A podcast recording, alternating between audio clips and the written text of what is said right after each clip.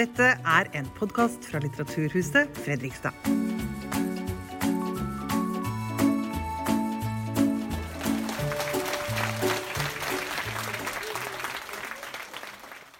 Hi everyone, a warm welcome um, to Litteraturhuset Fredrikstad and to this, uh, to this uh, special event. Uh, thank you um, to the super publisher Cappelen Dam who helped us make this exclusive event possible. Uh, the full-scale invasion and war in Ukraine have now lasted for almost two years. Uh, it is the largest conflict in Europe since the World War II, and it is by no means over. The worst may still lie ahead of us. This war has become uh, a sharp reminder for all of us that our neighbor state, Russia, and its leader, Vladimir Putin, is a very different is very different from Norway and our own leaders. What kind of country is Russia of today? What is the mindset of, the, of, the, uh, of most Russians living in Russia? Why do they and Kreml think and act as they do? And how deep into the history do we have to dig to find these answers? Mikhail Shishkin is one of uh, Russia's most acclaimed and award winning uh, writers. His novel Maiden Hair in English, Venus hår på norsk, published in Norwegian in uh, 2010, is considered one of the central works of, re of recent Russian literature. Mr. Shishkin now lives in Switzerland and is one of the strongest critics of today's Russian government. In this event, we will talk about his latest book, My Russia, War or Peace, eller på norsk, Fred eller krig. I have read it. It is a fabulous but also very scary book where the long lines of history are intertwined with razor sharp political analysis and philosoph philosophical reflections. You can, of course, buy this book at Joker Bar uh, after this event, and Mikael Shishkin will sign it if you, if you want. And when we looked around to find someone to interview Michael Shishkin, we were lucky to find some, someone from the same Premier League. Most of you know Ole Torp as an anchor on NRK. It is an honor to have you here in Fredrikstad, Mr. Shishkin. Welcome on stage, both of you. Much.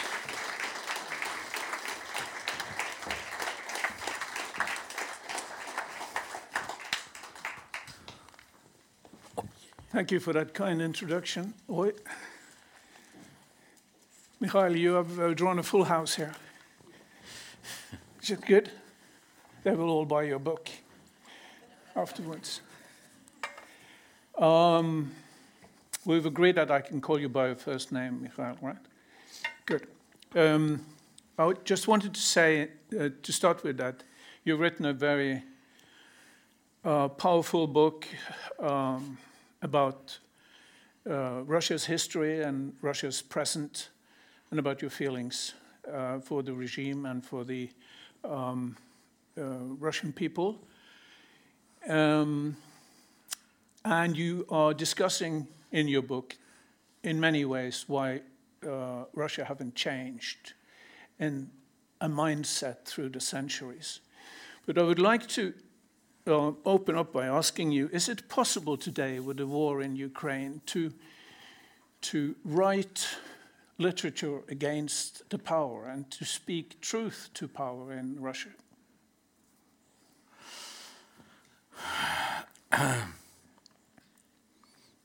How can you write other books? Of course, you, you will write just what you think the problem is people in the power will never read my books. yeah, people who support Putin, people who support this war, they will never read my books because I'm traitor for them. We have a civil war in Russia since generations, yeah. And now we have again this civil war, and uh, people who are on my side of this front line, I don't have to explain to them anything about Russia. They understand it better than I do. And so there is no use to write for them. And there is no use to write for people who support the war because I'm traitor for them, they will never believe me. So I wrote this book actually not for Russians. Uh, how came I to this book? Yeah. You Well, well, did you feel it was an obligation, nevertheless, a duty, more or less, as an author to, to write such a book? Look, uh, for years, for years, I uh, tried to read books written by so-called Russian experts here. I tried to read; it was impossible because it was written by people who don't understand Russia, but they explain to uh, readers in the West and the, the Western politicians what is Russia and that we should build bridges to Putin and so on and so on. Yeah. And so uh, it was important for me to explain to my Western readers what is Russia, why we are in this war. And so the I was motivated to explain Russia through the Russian history and through the history of my family. And uh, the book started with my uh, it was book presentation of my novel uh, Taking of Izmail in German in Köln. Uh, my moderator was the former uh, journalist in Russia, very famous in Germany, Fritz Pleitgen. And so we started to speak about Russia, and we were quarreling on the stage, and so we couldn't start. We uh, went on uh, by emails, and one day he came to, because he was one of these Russian experts. And so he came to our village where we live, small village on the French border in the Jura Mountains, Kleinlützel, and he said, Mikhail, we, we must make books. We must make a book about this. And so he, we made the book. No, we were, we agreed that the annexation of Crimea was a crime. Otherwise, it would be impossible for me to write this book. But what to do? For him, it was important to make bridges to Putin. Yeah. F- to whom make bridges? To this uh, criminal gang who took hostage the whole country, the population of Russia. For me, it was clear we, we have to boycott Olympic Games, we had to boycott the uh, football soccer uh, championship. And so we made this book. So, in this way, my chapter, his chapter, uh, my uh, two uh, last chapters were dedicated to the future, what will happen. Futur 1, Futur 2, Future 1, Future 2. Future 1, it was realistic. Unfortunately, everything is going now after the script, and we published the book in 2019. And the second, uh, uh, the, the last chapter was chapter two. It was optimistic. It was my wishful thinking because you have to uh, end the book in optimistic way. So, and then this invasion started, and Fritz was very uh, ill, cancer, and the last uh, email from him after the invasion was, Mikhail, you were right, I was wrong. He died last year. And now this book has been published in 20 languages. I didn't change a word. I just wrote the introduction, the foreword, and the afterword. And the afterword, yeah. Yeah. And so I'm happy that the book has been published in mm, Norway too. There is a, uh, there's something very interesting in your book that um, I wanted to refer to because to me it shows that perhaps you are showing us uh, that not so many things are changing in the mentality of, of people in Russia. Were you mentioning in the 50s, and I think it was in 1958 when uh, uh, Boris Pasternak got his Nobel Prize for Dr. Zhivago uh, which of course was a great feast for any, any Russian uh, author. Uh, but what happened was that he, after being rewarded the Nobel Prize, he was expelled from the Soviet, He was declared Union. as an enemy, an enemy, traitor. But also expelled from the Yeah. Authors' Union. Yeah. And you would think that's strange after such a great novel. Why, why, why, what was the sentiment amongst authors at the time?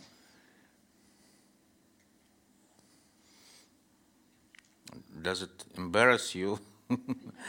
no, people were happy that he was not killed. Galich wrote, you know Alexander Galich, wonderful dissident uh, poet, he wrote, как мы счастливы современники, что он умер в своей постели.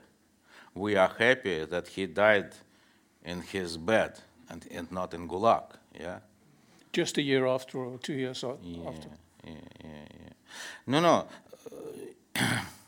you have to understand the, the mentality. You see. Uh, but is that what I was aiming for? Is that the same mentality that you see today? Look, we have now the same system, the same state system as we, had 1,000 years ago. This is the pyramid of slaves, and here is the Tsar. And this pyramid of slaves, they don't have any rights, they don't have any voice, they don't have any, any property, nothing, yeah? And this uh, very stable pyramid, because the only law is the violence, yeah? And it was uh, 1,000 years ago, and it was at Stalin time, it is now absolutely the same thing, yeah? and everybody is just uh, is just keeping silent. Mm. You, you, see, one uh, and a half years ago, in February, in March 22, when the invasion started, the whole world, yeah, people in all capitals, they went to the huge demonstrations against the war and they couldn't understand why in Russia just several people went on the streets to protest against the war. Where are these people, these courageous, wonderful people who protested against the Russian invasion in Ukraine? They are in prison or they emigrated. Yeah?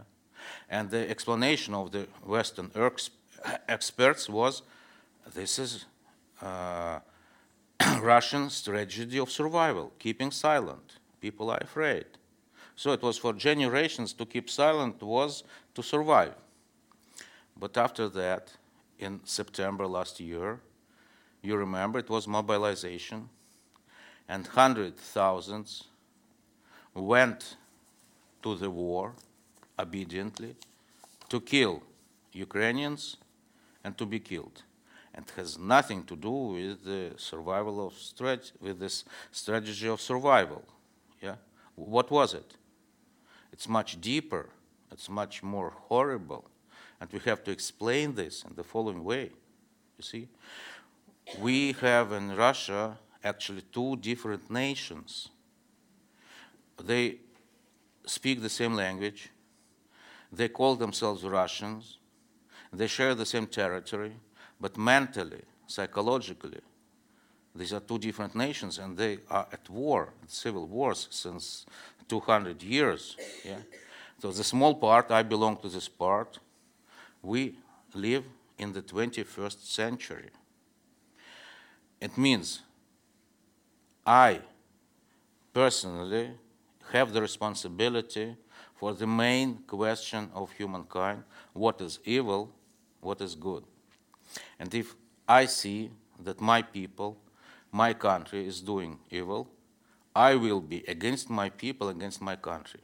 Because I'm, you see, in the 21st century, I have this uh, individual personal consciousness. But the majority of Russians, they live in the past. They have this tribal consciousness.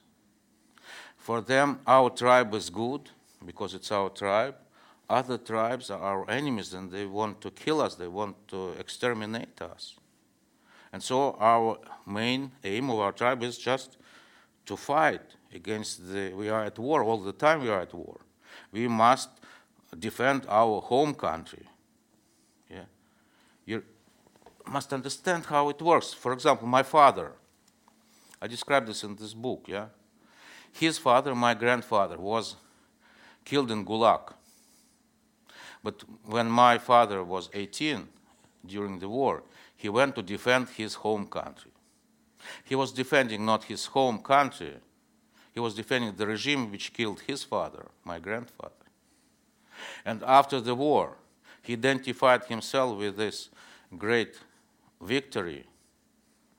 Yeah, it, he, he was a liberator. Yeah, he and his comrades liberated Eastern Europe from fascism. It was impossible to explain to him. You brought another kind of fascism to Eastern Europe. It was impossible for me. How we are fascists? No, no, it's impossible. They are fascists. We are good. You see, and uh, all systems, all dictatorships, they uh, perfectly misuse these patriotic, wonderful patriotic feelings. Yeah, people love their home country. That is why they defend their home country against the enemies. And the same thing is happening now. Yeah? Just another example how it works.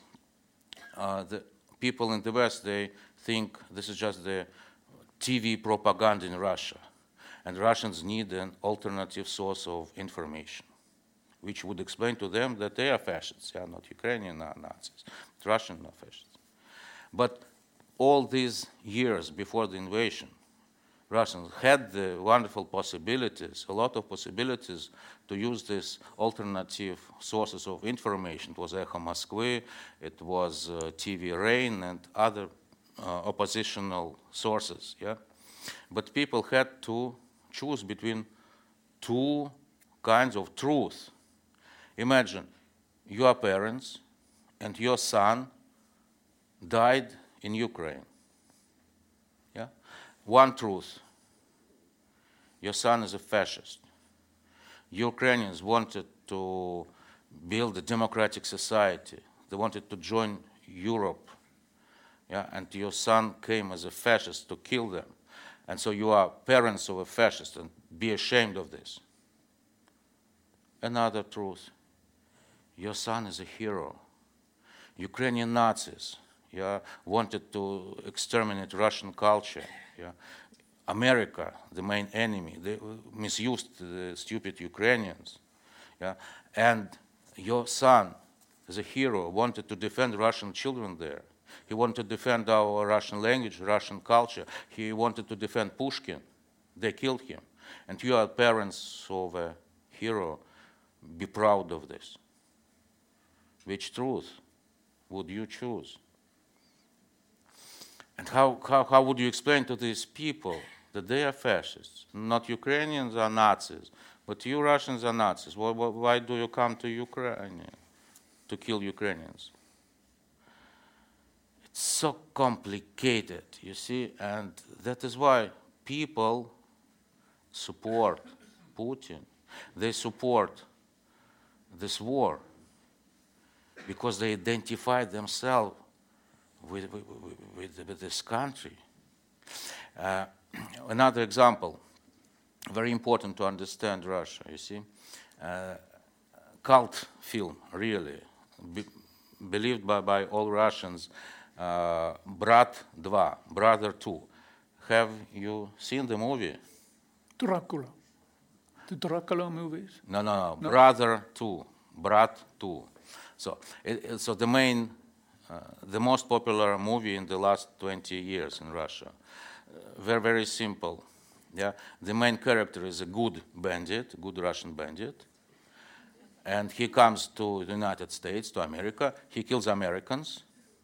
Then he flies back, and in the plane he asks for vodka. That's it. That's it.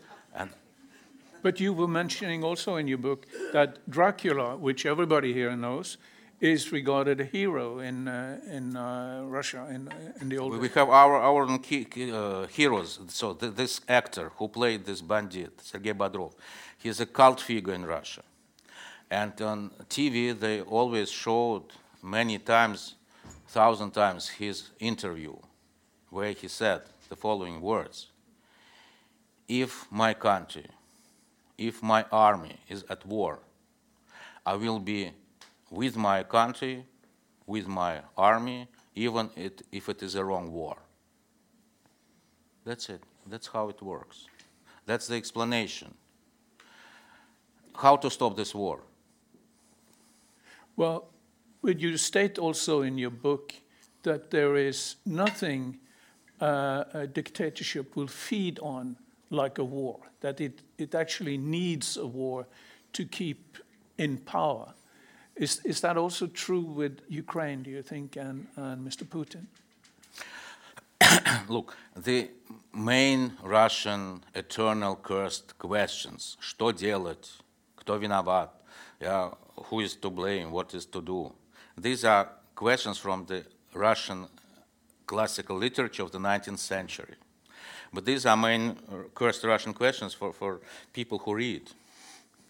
But 150 million of peasants, they couldn't read. For them, the main Russian question was, apparently is and will be, is the Tsar real or fake? That is the main Russian question. Why? Because if the Tsar is real, we have the order.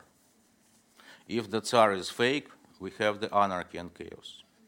How to understand that the Tsar is real? Only one way. No, no elections, forget elections. Yeah. The Tsar must show the strength, the victory. So a real Tsar is a victorious Tsar. Stalin could kill millions and millions, but he had a great victory. Till now, for the majority of Russians, he is a real Tsar. Uh, Gorbachev, so beloved here in the West, yeah? he lost the uh, Cold War against the West, he lost the Afghani war, he was a fake Tsar, despised, hated till now. Yeah? And Yeltsin realized, yeah, with all his democracy, he didn't bring the democracy to people. He brought just the chaos and anarchy. And so he had to be uh, legitimized, he had to have a small victory. And so his generals told him, We will take Grozny in three hours. And they started the First Chechenian War. Yeltsin lost this war. He was despised. People hate him. Yeah? So it means the next Tsar, to be legitimate, yeah, he had to, to have the victory. And you remember how Putin started? He started with the explosions of the dwelling houses in Moscow. From the very beginning, he was a war criminal against his own population. Very, very yeah. mysterious uh, explosions in, yes. Yeah. in, in and it, uh, so he started the second Chechenian war, and he was has, has got the victory. Yeah. And then you remember 2014, the annexation of Crimea, Krimnash, Krimnash, he was a real Tsar. Yeah, Crimea is ours. And then he had to prove that he's real Tsar again and again with, with the victories. And his generals told him, We will take Kiev in three days. History we know, repeats itself. We know what happened after that. Yeah. If Putin had known what would happen, he would never start this war because now he is a fake Tsar. Where is the victory? No victory. People despise him. So, no, of course, he, as every dictator, he lost the connections with reality because he got only the information he wanted to get. It's every dictator after the same rules. Yeah, but you remember uh, the Prigozhin uprisal, yeah, in June. Mm. 400 kilometers his tanks are from Moscow, 300 kilometers, 200 kilometers. Yeah. So Prigozhin was the only general who could show a victory, Bakhmut, yeah, and who was ready to defend the fake Tsar? Nobody. People in Rostov, yeah, he liberated Rostov. They were cheering the, his Wagner soldiers with, with flowers and ice cream. So Russia is ready for the new real Tsar, but the new real Tsar is not ready for Russia. Hmm. And Prigozhin, uh, unfortunately, fell down in an aeroplane. We don't know. We don't know anything. You see, in Russia, the everything is secret. The most, so the biggest secret is the life of the dictator, and the most secret is also his death. So some tele- you know maybe yeah some Telegram channels uh, told that he, Prigo- uh, that Putin was very ill and he died on the 26th of October, and the guy, the TV, Russian TV shows us he, he's his double. Yeah. Uh, we don't have any evidence that he is dead, but we don't have any evidence that he is alive. What do you think? th- this is you absolutely Russia, yeah, But what Ru- Russia pure. we What don't do you know think, anything. Mikhail? I think that I had a bottle of champagne in my fridge since months. and now I don't know, should I drink it or not? because, you see, I, I'm, I think that uh, his body is in a refrigerator. That the guy who is, you, you remember, real Putin uh, sitting behind the long, long, long table. And, the, and Putin, uh, which we see on TV now, he's kissing unknown people on the streets. So it can't be the same person. It, it can be the same person. So I'm afraid that now we have the new Tsar, the hidden Tsar. This is Patrushev. Yeah, he is the chair of the uh, Security Council. And we were s- so waiting for this moment that Putin would disappear and the war will end and everything will be good. But who is Patrushev?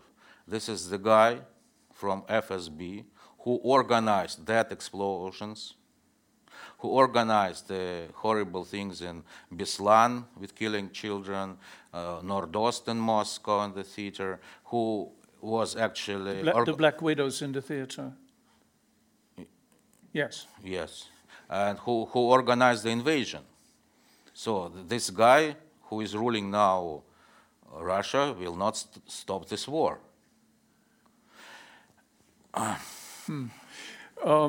so we know that we don't know anything, That's, that's the only like truth. antique thinkers. But I was interested in the personal dictatorship, the, the shape of it, and the way the, the Duma, uh, the parliament, and uh, the, the um, TV channels and newspapers are portraying Putin. And you quoted in your book that the Duma has said that Putin is Russia. There is no Russia without Putin. Any attack on Putin is an attack on Russia.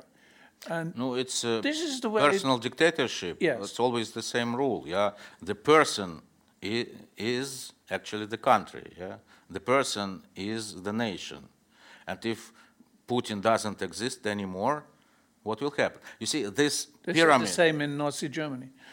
The same, absolutely. Th- This pyramid is very stable. Yeah? The, the only problem of this pyramid is changing of the Tsar. Because in this case, you have changed the, the whole pyramid, yeah? the, the whole system. That is why I think the West doesn't really want Ukraine to defeat Russia now. It's very important to understand because this defeat, the full defeat, the victory, military victory of Ukraine would cause the uh, chaos in Russia. Rus- Russian Federation is now as pregnant with new states as the late Soviet Union was. And the West, Western governments, Western politicians are afraid, and we can understand why are you afraid? They're afraid that the nuclear weapon yeah, will disappear without control and appear again by any dictators in the world, in Africa, anywhere. Yeah. So they are afraid of losing control over the uh, nuclear weapon. So you say that Putin's stability is better than no stability.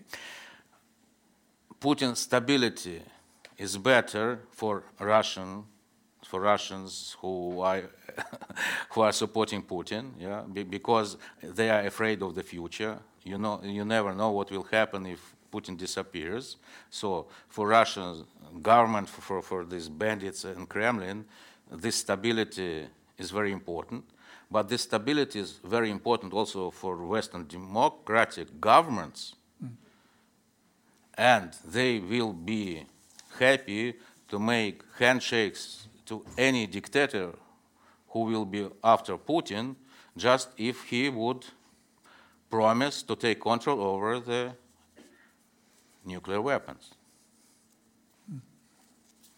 Okay. If Western governments would really, you see, help Ukraine to win, they would give much more weapons.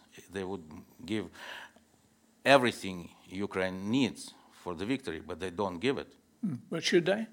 Should they give airplanes and fighter bombers and more long-ranging artillery? For me, for me, you see, the disintegration of Russia will uh, go on anyway. Yeah, with defeat, without defeat, with victory of Ukraine, without victory of Ukraine, because it's the inner process. Yeah. After Putin, the Russia will be disintegrated. After post-Putin, the Russia will be disintegrated anyway.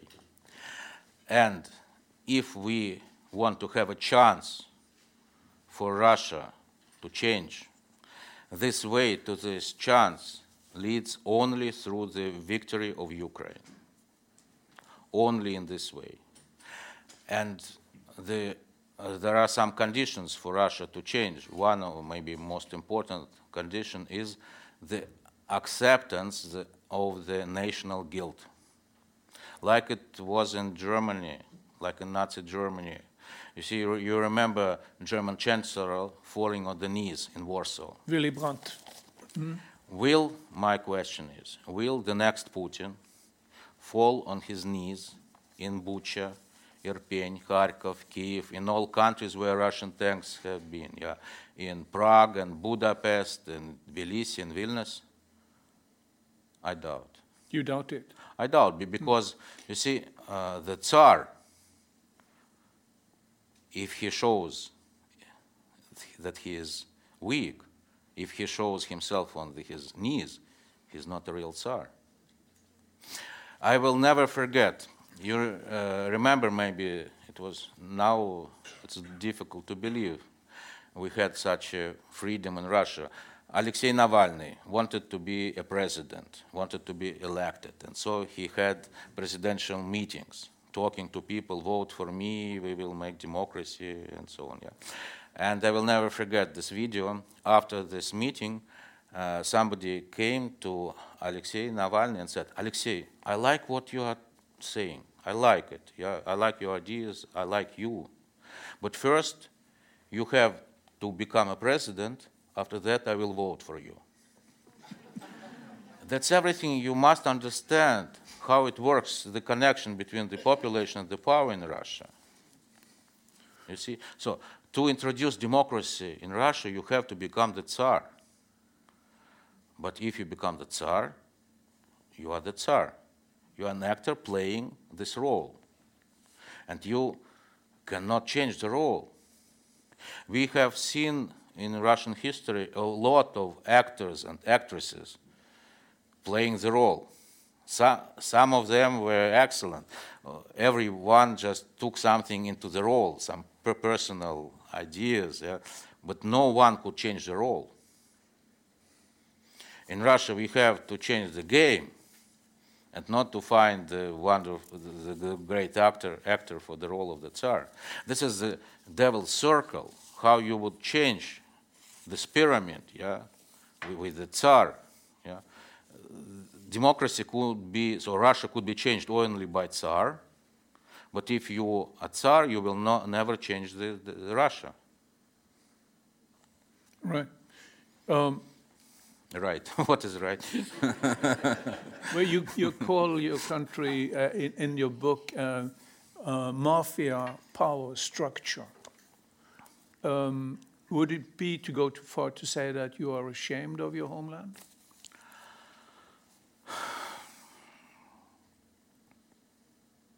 Now we have to make new definitions to all the words. Yeah, what is Russia? What uh, is to be Russian? What is Russian culture? What is to be patriot? What means to love Russia? Actually, we are in the same situation as 200 years ago. Yeah? Russian poet Nekrasov said, «То сердце не научится любить, которое устало ненавидеть». To love Russia, what means? To hate the system or not? Where is the border between the system, between the regime and the home country? I love Russia. Of course, I love Russia. But which Russia do I love? Am I a patriot? Am I a traitor? Since 2013, I'm a traitor. I was told yeah, to be a traitor. Because, you see, at the beginning of the uh, 2000s, there was hopes that Russia will still make this step to, to in, in the democratic di- direction. Yeah, for example, in the culture. Yeah, always the main enemy of Russian culture was the Russian state. Always, because Under all regimes, you mean? under all regimes because you see every for every regime it was important that people are keeping silent the only thing you could you could opposite to the silence is the word remember stalin just as an example stalin and shostakovich stalin did stalin love shostakovich no he hated him yeah he would be happy if shostakovich would die in gulag after the Second World War, uh, he, the music by Shostakovich was forbidden. But Stalin had America. And in America, uh, a Congress, a peace Congress was held. So Stalin had to send somebody to America, to this peace Congress. And he remembered, okay, we have Shostakovich. And Shostakovich went to America as a human face of the Stalin regime. This is only so misusing of culture. That is why uh, culture could be useful for, for, for the regime at any time. And so, uh, in this at the beginning of two, two, 2000 years, yeah, it was something different now. In Russia, we had, for example, uh, such institutions like Norla, helping the Norwegian writers abroad, uh, um, giving giving money for translations, sending them to uh, foreign uh, uh, book book fairs and so on. Yeah, and so it started. The Russian state started to help the culture, the, Rus- the Russian literature to develop it. Yeah, and so I went to all the book fairs, yeah, representing Russia, and I, I felt some, something, something is wrong. They are misusing me as a human face. And they told us, the Russian writers, on the, book, on the German book fair, for example, in, in Frankfurt, I will never forget it. You can say anything you want. Just say that uh, in Russia there is no democracy. It will just help us to show, look, we have real democracy in Russia. We, we can criticize anything. Uh, so ju- just read your novel, uh, say anything you want, but, but here is the portrait of Putin, yeah? And so uh, I was just misused by, by the regime, and I said, I don't want to be misused anymore. And so 2013, it was very important step for me. It was before Crimea, before the war, yeah? I wrote an open letter that I don't want to represent this criminal regime uh, at the book fair in, in New York. I want to represent my Russia, a country which is free from dictators, from corruption, yeah, a country of free people and free culture. And at once, yeah, I, I was no great Russian writer, or but at once I was a traitor and foreign agent, and th- th- that's it. So, am I ashamed? I'm ashamed of this regime. I'm ashamed of my people who support this regime. But this Russia is not my Russia anymore. I'm fighting for my Russia. I'm fighting for my language because they made my language to the language of murderers. And I'm fighting for another Russian culture, the genuine, the, the real one. And now you see people of culture who stayed in Russia, they have to sing patriotic songs or to keep silent or to immigrate. And now Russian free culture, it's impossible to be unfree culture. C- culture must be only free culture. Yeah? And now Russian culture exists only outside of Russia, only in immigration. How, uh, the good question, is it possible for culture to survive without territory, without the support of the state? Can you imagine Norwegian culture without s- somewhere only in, as emigre, without uh, Norla, without helping of the culture institutions like this wonderful literature visit? Would it be possible to survive for Norwegian culture? Question to you, no, I don't know the answer. So, but Russia, I think now we have the chance to be independent from the curse of this territory. You see? And uh, the we now, we had the experience 100 years ago when Russian culture, after the revolution, went uh, into emigration. Yeah? But we know now that Russian language could survive just one generation, second generation, but third generation didn't speak Russian at all. You see, this is the uh, difference with the Jews. Jews survived with this language, with their language through two, 2,000 years. Why? I think because they had language and God. The Russians have only language. We have our experience now. Our children speak Russian. Will our grandchildren speak Russian? The privilege of us in the 21st century is that we have high technologies, we have internet. 100 years ago, a circle of Russian literature somewhere in China, in Harbin, or in Argentina, in Buenos Aires, yeah, they felt so lost, far away from the capitals of Russian culture in the 20s and the 30s, from, Paris, from, from uh, Berlin. But now we have internet. You can uh, go by train in Africa, but if you have internet, you are in the middle of Russian culture. You are the Russian culture. You are creator of Russian culture. You are user of Russian culture. And now we have this online Russia. You see, uh, Navalny said this meme, "Прекрасная Россия будущего." So we are fighting for the wonderful Russia of the future. Actually, we have this wonderful future, uh, Russia of the future online. Maybe it will never be possible to build it offline. But now we have this Russia of Russian culture, where the citizens, we are citizens of Russian culture, not of that dictator state.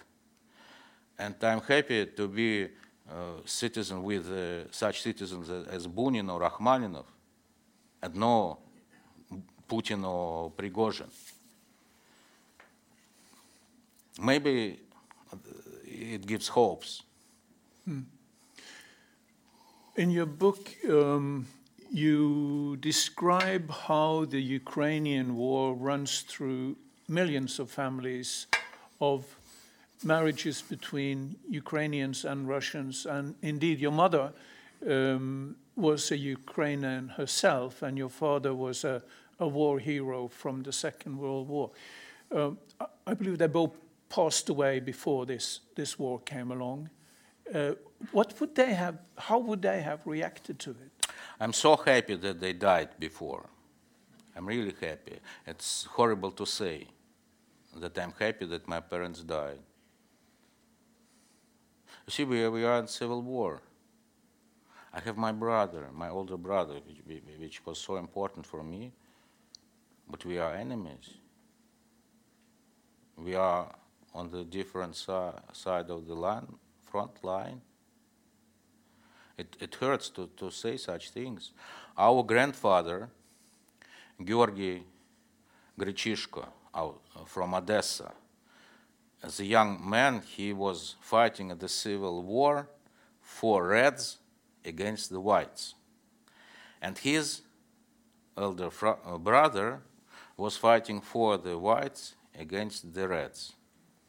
So they could meet each other on the battlefield and, and fire, yeah, shoot at each other. Now we are old, yeah, to, to fight with Kalashnikov, but the Russian history just repeats and, and repeats. Hmm. There is a beautiful story about your mother in your book. She was a teacher and first, you describe how teachers in many generations have been instructed to lie about the glory of the Soviet Union and now perhaps the, about Russia. But she still was a teacher, and as you say, uh, she must have known that she at one point in time took an enormous risk when she helped arrange uh, a students' evening to celebrate um, the very famous singer Vladimir Vysotsky, uh, knowing that this was perhaps not a crime, but a misdemeanor at least in, in the Russian school. What happened and why did she do it? In Russia, you never know what will be dangerous tomorrow. Because tomorrow could be dangerous, what is today not dangerous at all.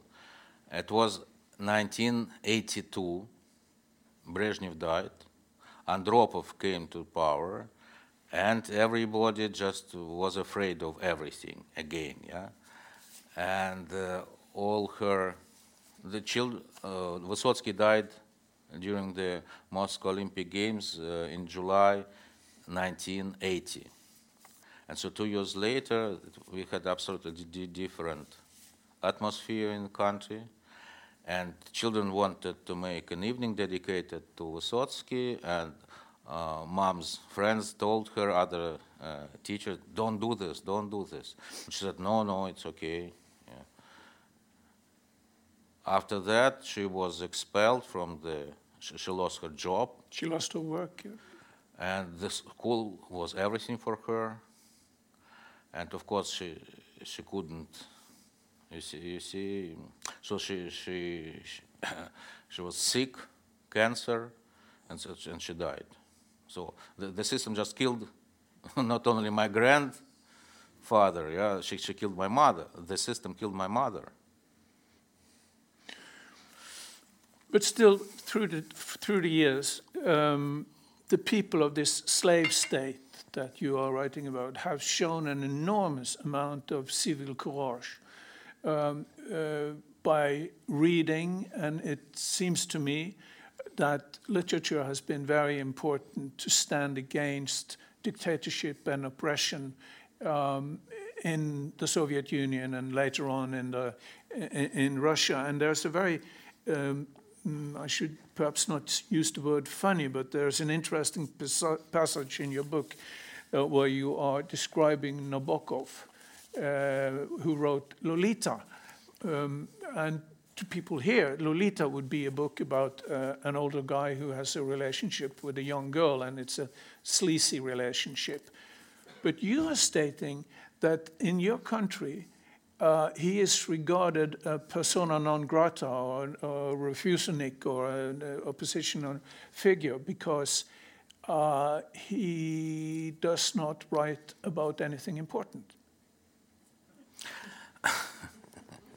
Look, when I was 16, yeah, I had two cherished dreams to become a writer and to travel around the world to see the world.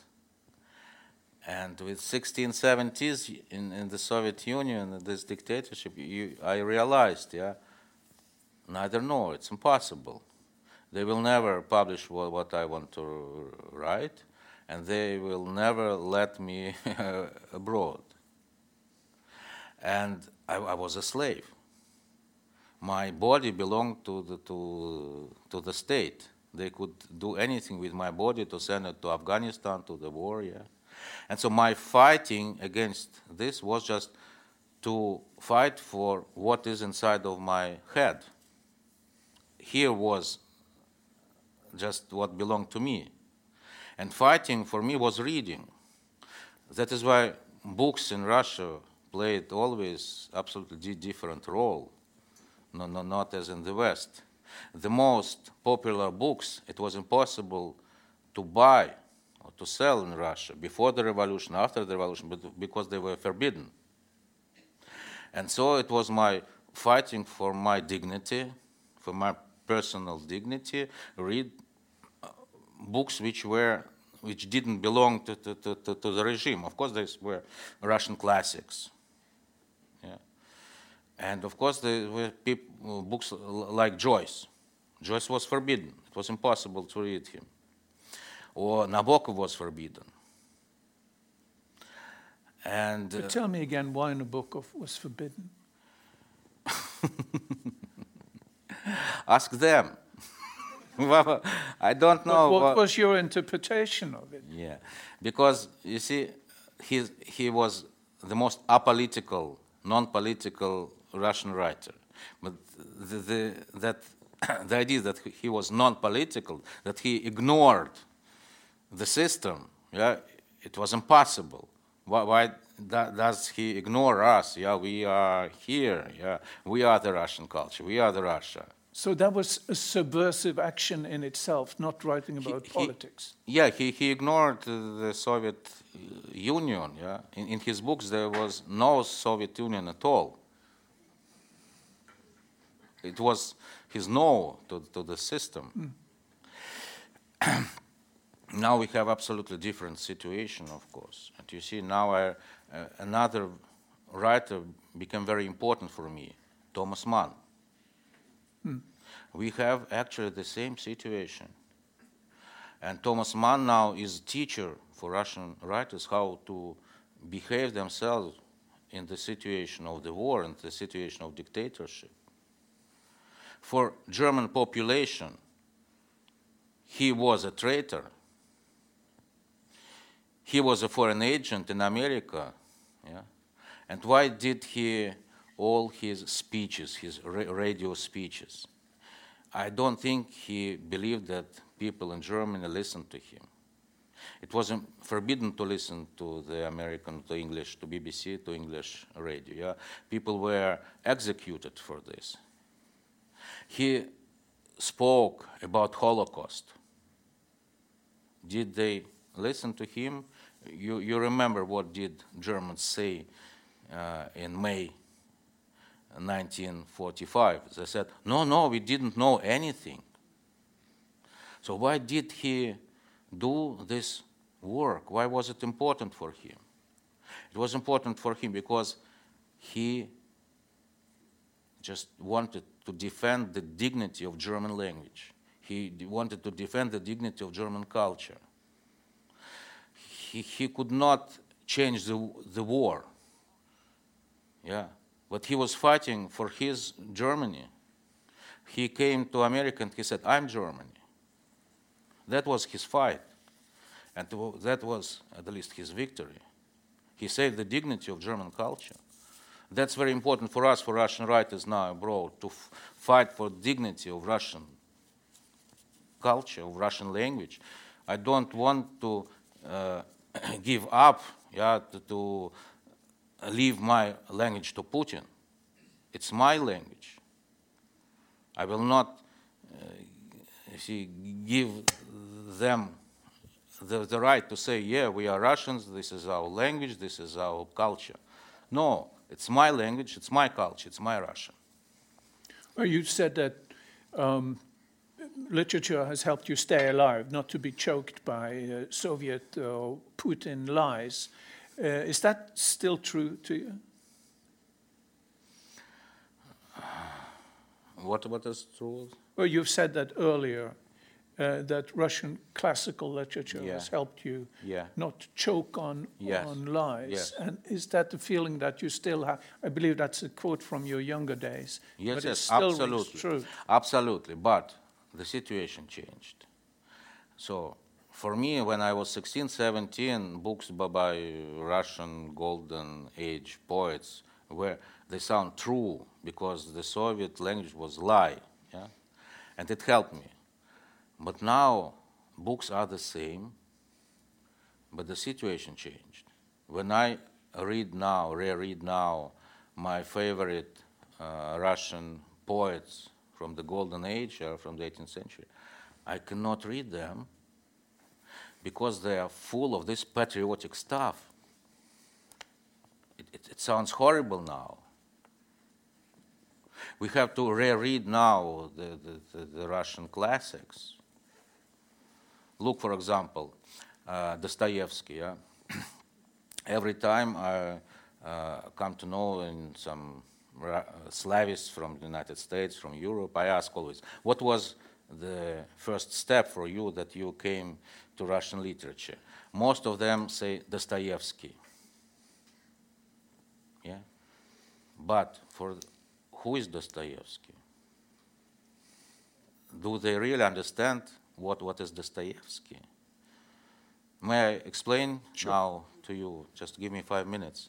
What is Dostoevsky? Why Dostoevsky is a Russian fascist? I will explain to you now. Look, in Russia there is one most important discussion. Yeah, for everybody it's clear. It's import, import, impossible to live in the system. But how would you change this system? And it started with uh, the discussion of Belinsky and Gogol. Gogol, you know, Belinsky was a literary critic at that time. And for Belinsky, it was clear. If you read now Belinsky, it's something like the blog of Alexei Navalny.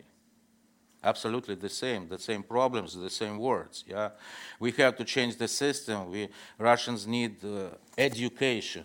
Russians need don't need the church. They, uh, they need the European values. Yeah. And what was the idea of Gogol? Okay, you could change. You could introduce democracy. But if you don't change people, if you don't change the, the person inside, no democracy would help. And Gogol was right, because uh, in February 1917, yeah, this European Russia had victory. It was the most free country in the world. Yeah, Russian women got such rights which women in Switzerland couldn't get for, for uh, 70 years. But it was the law state, it was the idea of democracy for just, just for a couple of, of people and for the whole population, it was just chaos and anarchy. Yeah? It's impossible to live in anarchy. So the Russian history just misused these Marxists with their international ideas to restore the dictatorship.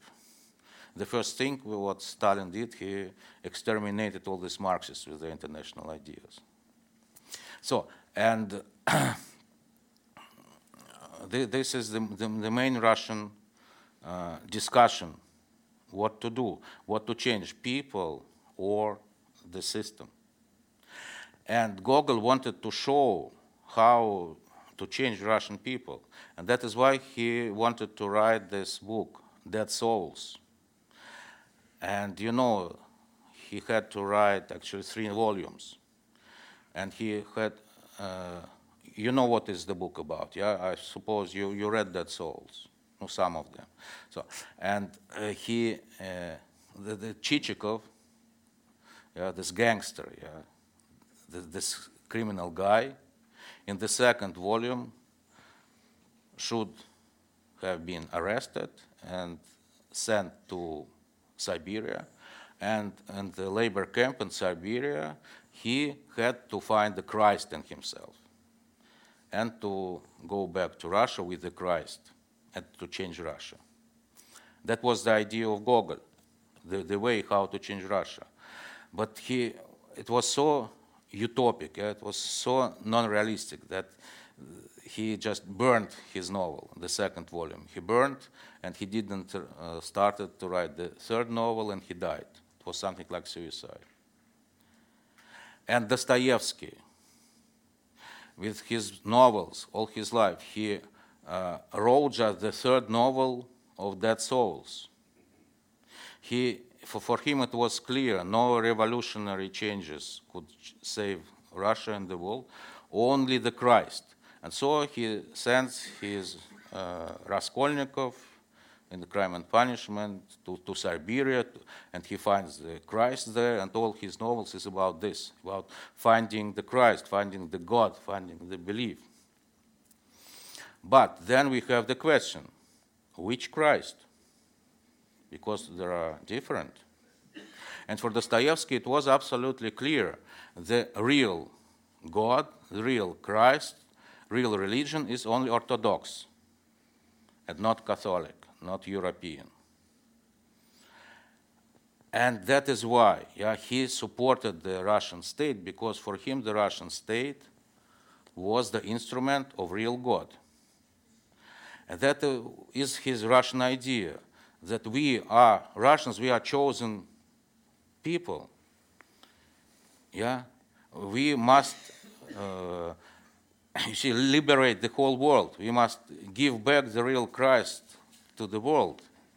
People must be happy that we bring them the real Christ.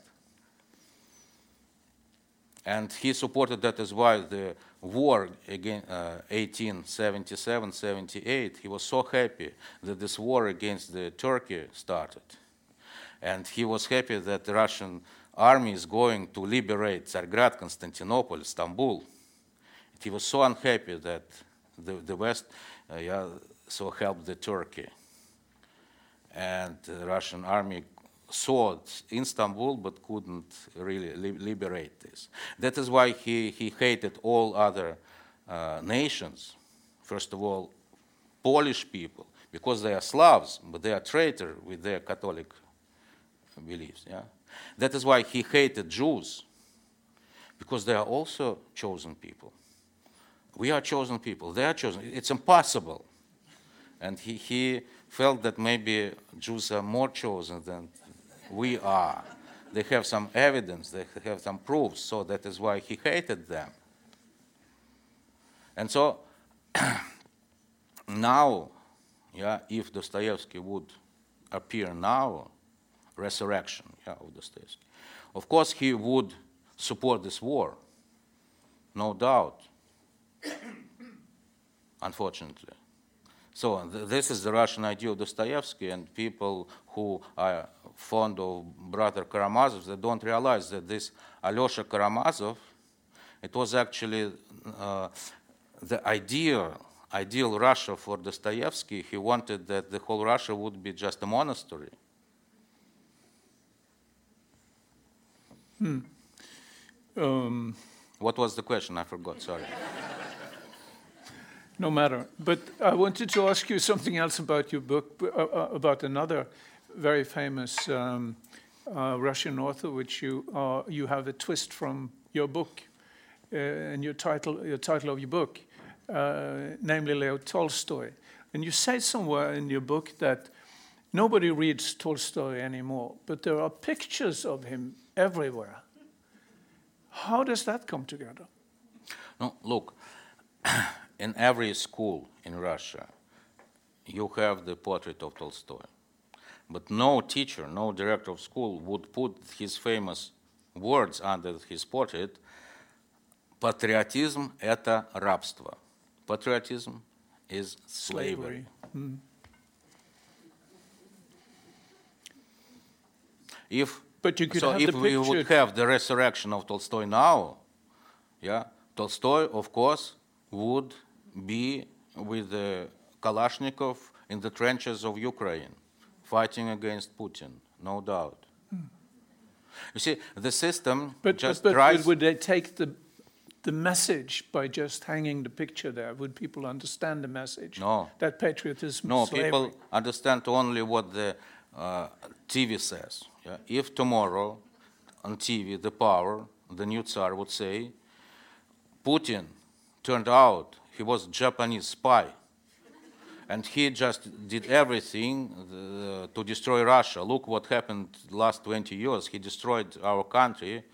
People would say, ah, I, I, I thought all the time the same, yeah? because it's from, from the Tsar, from the, from the post-Putin, yeah, from the next Tsar.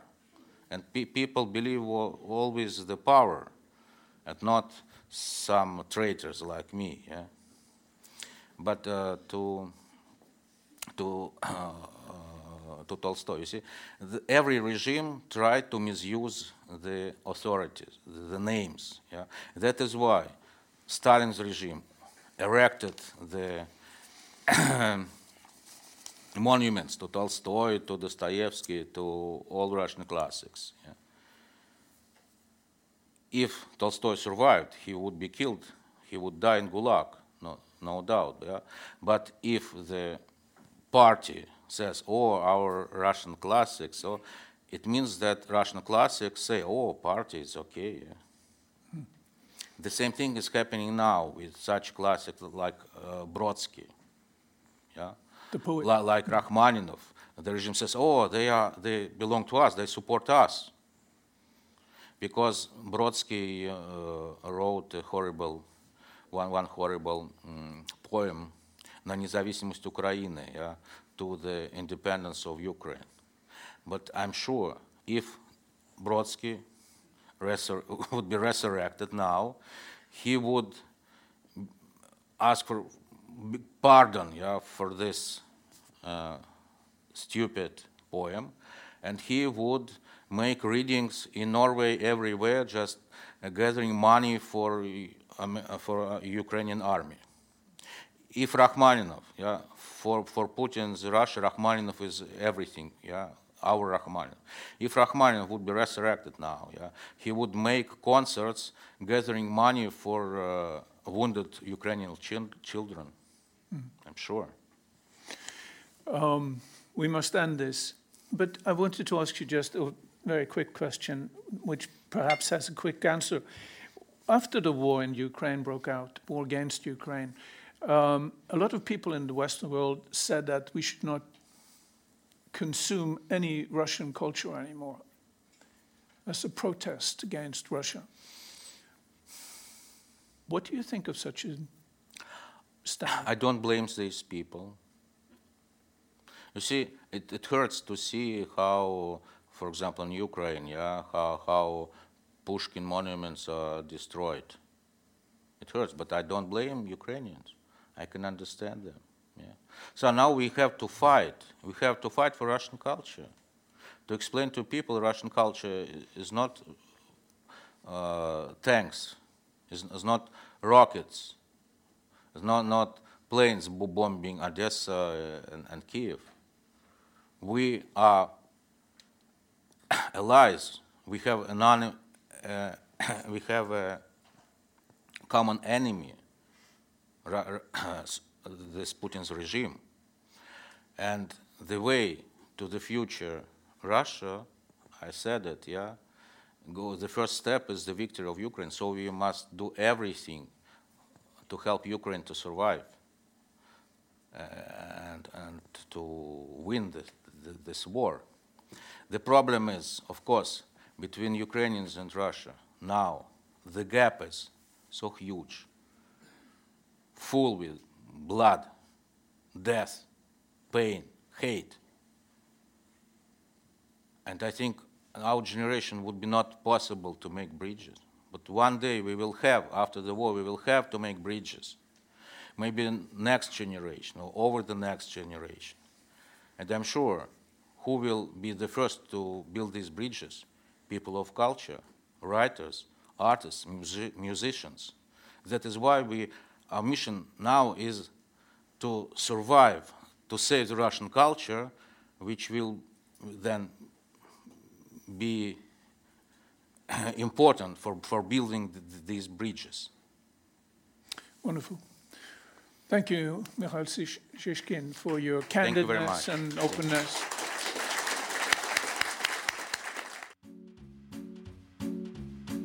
Du har hørt en podkast fra Litteraturhuset Fredrikstad. Vi er støttet av Kulturrådet, Fritt Ord, Fredrikstad kommune, Fredriksborg Eiendom, Viken fylkeskommune, Sparebank1 Østfold Akershus, Verksted AS, Fredrikstad Energi, Gjensidigestiftelsen og Handelsbanken.